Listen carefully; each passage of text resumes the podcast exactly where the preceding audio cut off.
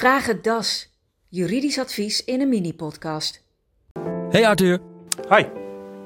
wat kun je doen als je schade oploopt door de schuld van een ander? Een ongeval kan heel ingrijpend zijn. Zeker als er fysiek of psychisch letsel is. Mhm. Dan focus je je in eerste instantie vooral op je herstel. Ja. Maar het is wel goed om te weten dat je mogelijk een schadevergoeding kunt eisen.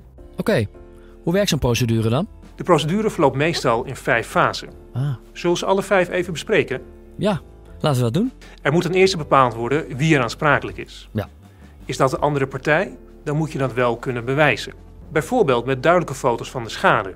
Of namen en telefoonnummers van getuigen. Mhm. En wat als je zelf ook schuld hebt? Als je zelf ook schuld hebt aan een gebeurtenis, krijg je mogelijk maar een deel van je schade vergoed. Laat je dus altijd meteen bijstaan door een letselschade-expert. Oké, en wat gebeurt er daarna? In de tweede fase is het belangrijk dat je een overzicht bijhoudt van alle kosten die de schade met zich meebrengt. Oké, Denk dan bijvoorbeeld aan schade aan kleding of spullen, maar ook aan reiskosten of een eigen risico van je zorgverzekering.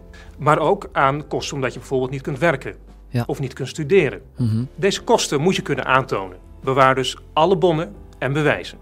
En hoe zit het met emotionele schade? Want daar krijg je natuurlijk geen bon van. Dat klopt. Dat is immateriële schade. Hiervoor kun je een smartengeld claimen. Duidelijk. Wat doen we in fase 3? Dan ga je samen met je jurist aan de slag. Die stelt een brief op waarin hij de tegenpartij aansprakelijk stelt. In die brief staat wat er precies gebeurd is, Mhm. wat de oorzaak is, samen met de door jou aangeleverde bewijzen. Goed, alles is verzameld en verstuurd. En nu? In de vierde fase verwijst de aansprakelijke partij in de meeste gevallen door naar zijn verzekeraar. Ja. Die behandelt en onderzoekt de claim. Dan kun je je schade verhalen. Let op, hier is een goede bewijsvoering voor nodig. En die verantwoordelijkheid ligt bij de eisende partij. Bij jou dus.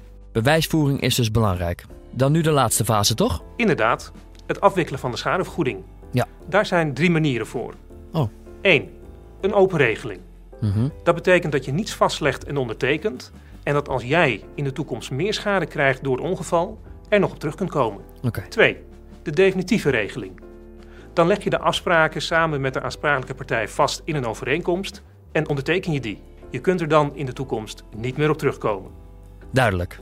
Afspraak is afspraak. Wat is de laatste? De laatste heet definitieve regeling onder voorbehoud. Ah. Ook hier leg je de afspraken vast, maar leg je ook vast dat je nog op de zaak terug kunt komen om een specifieke reden. Bijvoorbeeld als je over 10 jaar nog een littekencorrectie wilt. Best wel complex allemaal, hè? Ja, klopt. Het is best ingewikkeld en vaak ook heel emotioneel. Schakel dus altijd juridische hulp in. Mhm. Bel ons vooral voor een advies.